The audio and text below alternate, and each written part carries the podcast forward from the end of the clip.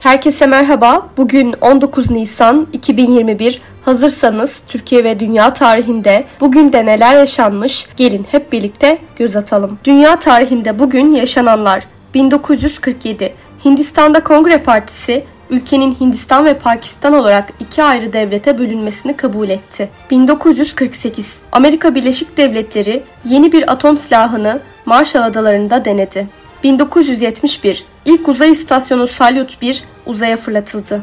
1987 Simpsonlar televizyonda gösterime girdi. Türkiye tarihinde bugün yaşananlar 1926 Türk karasularında her türlü denizcilik işlerini Türk vatandaşlarına tahsis eden ve yabancı kabotaj hakkına son veren kabotaj kanunu kabul edildi. 1980 Ajda Pekkan Erevizyon şarkı yarışmasında Şanar Yurdatapan'ın düzenlediği Petrol adlı şarkıyla 19 yarışmacı arasında 15. oldu. Bugün doğanlar 1793 Avusturya İmparatoru 1. Ferdinand doğdu.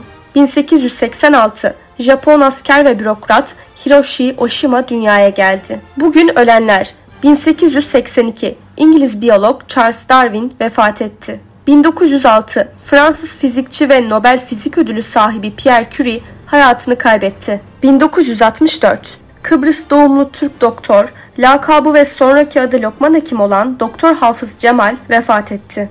Bugünkü bültenimizi de burada sonlandırıyoruz. Programımızda tarihte gerçekleşen önemli olayları ele aldık. Yarın da tarihte neler olduğunu merak ediyorsanız bizi dinlemeyi unutmayın. Yarın görüşmek üzere.